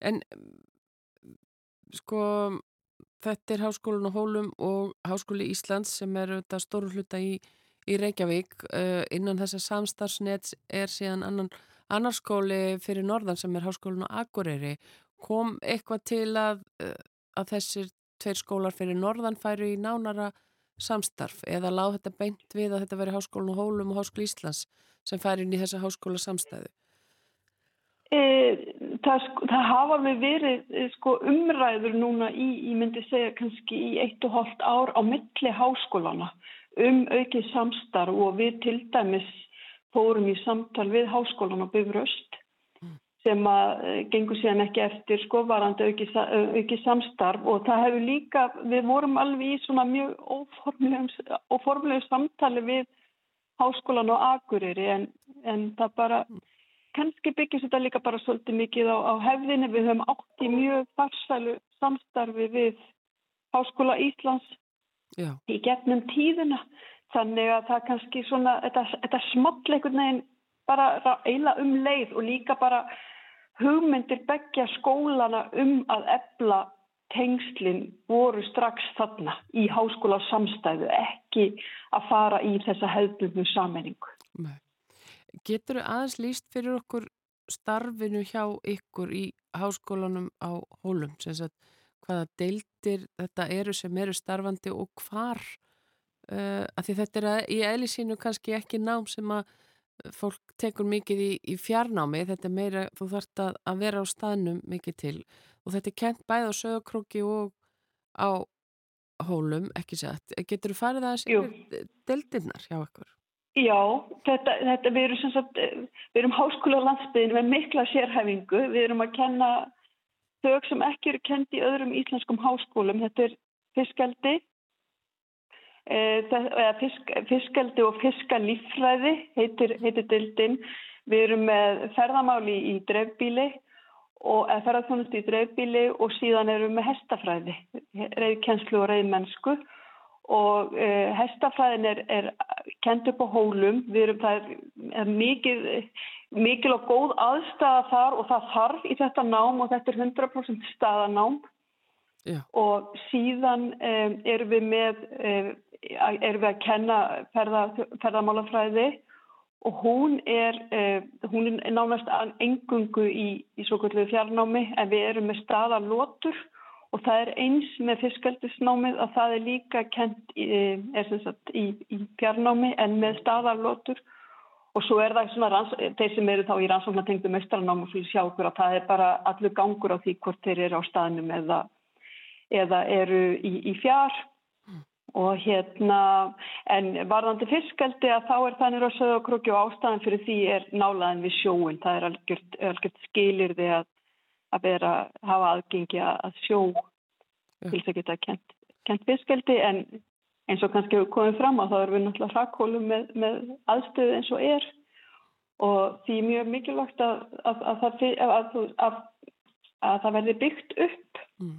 Það er bara mikilvægt fyrir, fyrir Íslandst eh, fiskeldi, eða bara eh, fiskeldi á Íslandi að það verði byggt upp kennslu og rannsóknu aðstæða í fiskeldi. Já. En fylgir þessu einhvers konar Fylgir eitthvað fjármagn? Er eitthvað fjárhagslega skuldbending um uh, uppbyggingu eins og til dæmis á, á húsnæði? Já, það var hérna við gerðum, það var skrifað undir vilja yfirlýsingu við um, hérna háskólamálar á þeirra þann 16. november þá skrifaði ég og, og hún undir vilja yfirlýsingu um uppbyggingu á húsnæði bæði á hólum og á og söðakróki og það fylgdi því svolítið fjármagn til að byrja, byrja uppbygginguna og síðan sóttu skólanir um Háskóli Íslands og Háskólinu Hólum um í samstarf háskóla um, við fengum um, hluta af þeirri upphæð sem við sóttum um til þess að byrja verkefnið á að mynda háskólasamstæðina og ég gerir ráð fyrir að verði bara sótt aftur um og það er mikill velvili hjá stjórnvöldum að að, að styðja við okkur. Ég, ég hef alveg voruð þess áskinja. En sjálfsögðu er, er mikilvægt að, að þegar að, þegar að hérna, verði gert samkomila við stjórnvöld mm. í tengslu við þessar skipulagsbreytinga sem taka þá líka til húsnæðismálana. Það er eins og til dæmis viðhald og nýframkvæmda. Já. Þannig, þannig að það er mjög mikilvægt. Já, þannig að það er alls ekki þannig að með því að fara inn í háskóla samstæði með háskóla Íslands að þá sé verið að toga námið eitthvað eh, nær höfuborginni, það er eiginlega þörst á móti. Nei, það er, það, það er í rauninni þörst á móti. Það mm. er verið að ebla tengslinn við, við landsbyrna með því að byggja upp háskóla samstæðu og mér langar bara til, í þessu sambandi að nefna rannsóknarsetur háskóla Íslands Já. sem eru á 13 stöðum á landsbyrni. Þannig að held, háskóli Íslands heldur nú þegar úti öflur í starfsemi á á landsbyðin og ég hef þá trú að með, með myndin þessara háskólasamstæðu að þá eiga rannsóknarsetturinn eftir að eflast enn frekar vegna þess að þau eiga held ég eftir að fá meiri svona me, enn meiri aðtíkli. Að... Og svo er eitt mikilvægt, Já. mikilvægt markmið í þessu öllu er að þessi háskólasamstæða hún verði eftirsopnaverður og raunhafur og valkostur fyrir fleiri háskóla og rannsóknarstofnarnir. Já, að það komið fleiri inn í. Við, veist, mm. Já, að komi fleiri háskólar inn í samstæðana mm. og rannsóknarstofnanir. Já. Það er, það er mikilvægt. Þannig að það er opið, þannig... opið fyrir það. Þetta er ekki þannig að þetta sé bara þessi tveir, það gæti, það gæti þess að einhverju bæst inn í á síðarstígu. Já, það, það, er, það er eitt af, markmiðum. Að þetta verði, að hún, að við, að hún verði lagalega þannig úr garði gerð og, og stjórnskipulaði verði þannig að þetta verði aðlæðandi fyrir aðra að koma inn í þetta. Já. Og þess vegna er sjálfstæði og jafnbræði svo mikilvægt í þessu samhengi. Að því að við erum náttúrulega, sko, ég held við sem 40 minni heldur en Háskóli Íslands. Já. Háskólinu hólum. Þannig að það er mikilvægt að, að hérna, ef við höldum þarna sjálfstæði okkar og, og við náum einhvers konar jafnbræði þarna inni í stjórnun samstæðanar hvernig sem við förum á því. en hvernig hefur aðsóknin verið hjá ykkur? Hvað eru þið með marga nefndir núna? Við erum með sko, um, við höfum talað með að vera með svona kannski 250-300 já, já. nefndir. Og hefur það haldist uh, svona stöðugt eða er, þurfum við að vísa nefndir frá? Já, hefur, já, við höfum reyndar sko í fiskaldinu út af aðstöðleis því að þá til miður að þá hefur við þurft að, að hérna, þá þurftum við bara að loka fyrir umsóknir en hérna Já. Og það hefur verið þannig í hesta, hérna, hestafræðinni bara alltaf að við hefum þurft að vísa tölvust mörgum frá. Því við erum með, við erum bara að taka einn 20 nefnendur á hverju ári vegna í rauninni, þú veist, það er bara það þarf svo mikla aðstöðu fyrir, fyrir nefndurnar að við höfum ekki tekið fleiri inn. Já, já, það lítur að stýrast bara mjög mikið af því húsnæði og þeirri aðstöðu Húsnæði, já, já, og reyðkennurum og fleirum, sko, þannig að það, við höfum bara, þannig að ef það er við byggð einreithalli viðbók, að þá getum við tekið fleiri nefndurinn. En já. við höfum þurft að stýra, hérna, Eh, að taka nema bæði í núna bara síðustu árun þetta hefur ekki verið alltaf svona í fyrskjaldinu það hefur aðeins dreyist saman hjá okkur í, í ferðamálafræðinni en ekkert þannig en, en þetta hefur verið núna upp á síkast í fyrskjaldinu og sérstaklega út af aðstöðu leysinu að þá hefur við þurft að bara því meður að vísa frá. Já, já.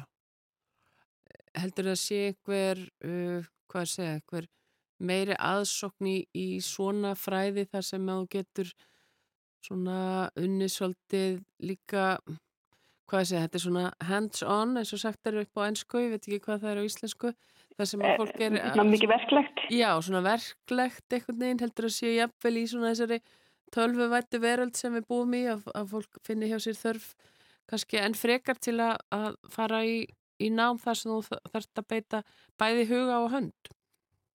Já, ég held þetta sé rosalega mikilvægt að, að, hérna, viðhalda þessum um, eða að bjóða upp á þetta nám því að ég bara, maður sér það bara sko að vera svona í, í námt við, við bara levandi verur sko bæði hvort það eru fiskar eða hestar að þetta er alveg þetta, þetta er bara, þetta er mjög mikilvægt að, að fá þessi tækifæri og líka bara að, að að að hafa þetta bara í bóði því þetta er svona, já, þú veist, það er kannski sögumir eru meira upp á, eða fyrir bókina og meðan aðra eru kannski meira fyrir mm.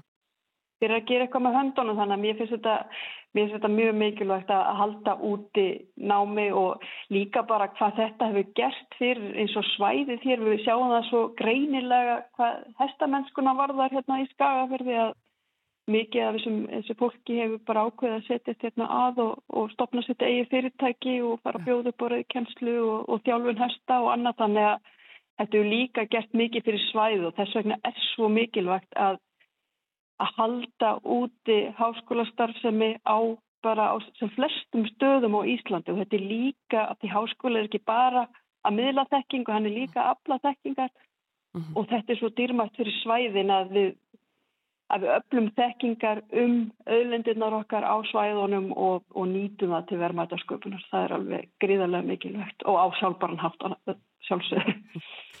Þannig að ég er mjög mikið fyrir það, eða sko, þetta, ég, ég legg mikla áherslu á að það verði háskólastar sem er víðast á Íslandi. Já. Hónfríður Sveinsdóttir, rektor Háskólans á Hólum, takk kærlega fyrir að vera með okkur á morgunvaktinni. Já, takk fyrir mig.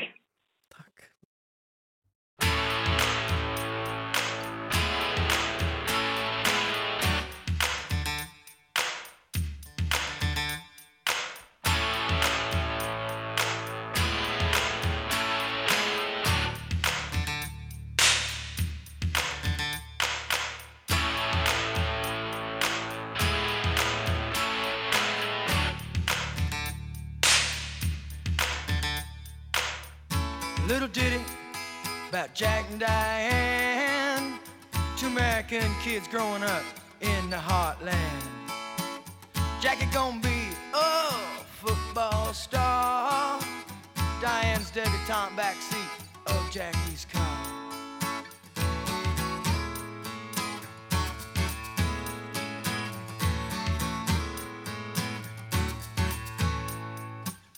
Sucking on chili dog outside to taste freeze. Diane sitting on Jackie's lap, got his hands between her knees. Jackie say, hey Diane, let's run off behind the shady trees. Dribble off those Bobby Brooks, let me do what I please. Say, oh yeah, life goes on long after the thrill of living is gone. Say,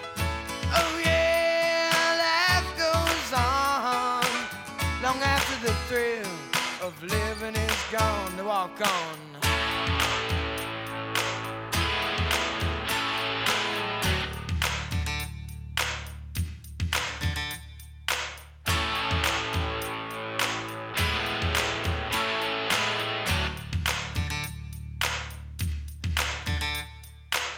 Jack sits back, flexes, his thoughts for the moment, scratches his head and does his best James Dean. Well, then there Diane gotta run off to city. Diane says, baby, you ain't missing nothing. But Jackie say, uh, oh yeah,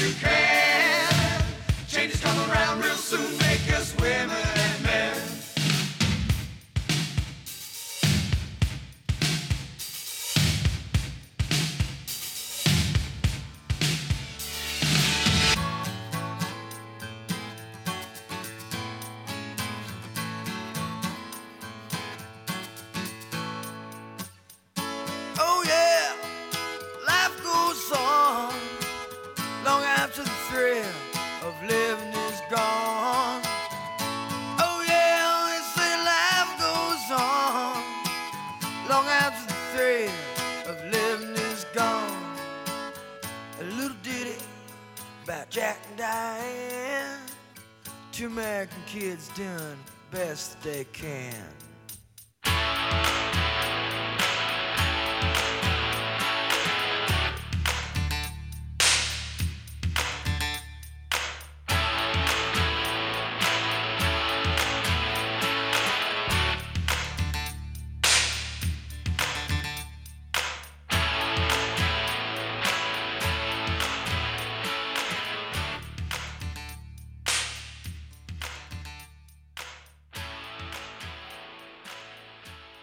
Jack and Diane heitir þetta lag, John Mellencamp, lag frá árunni 1982. Við leikum þetta í kjálfar spjalls við Holmfríði Svinsdóttur, rektor Háskólans á Hólum. Og hún var síðasti viðmælendu okkar á morgumvaktinni í dag.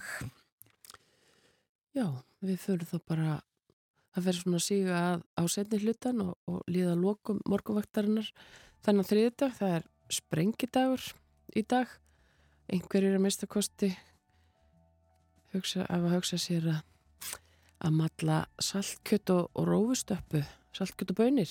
Já, við verðum hér aftur í fyrramálið, morgunvaktin býðu góðan dag þegar klukkunum vantar tíu mínútur í sjö, þá verður auðvitað komin öskudagur og valentínusdagurinn held ég líka. En við þökkum samfélgina þennan þriðutags morgunin, Eirún Magnúsdóttir og Þórun Elisabeth Bóadóttir, hveðja. Verðið sæl.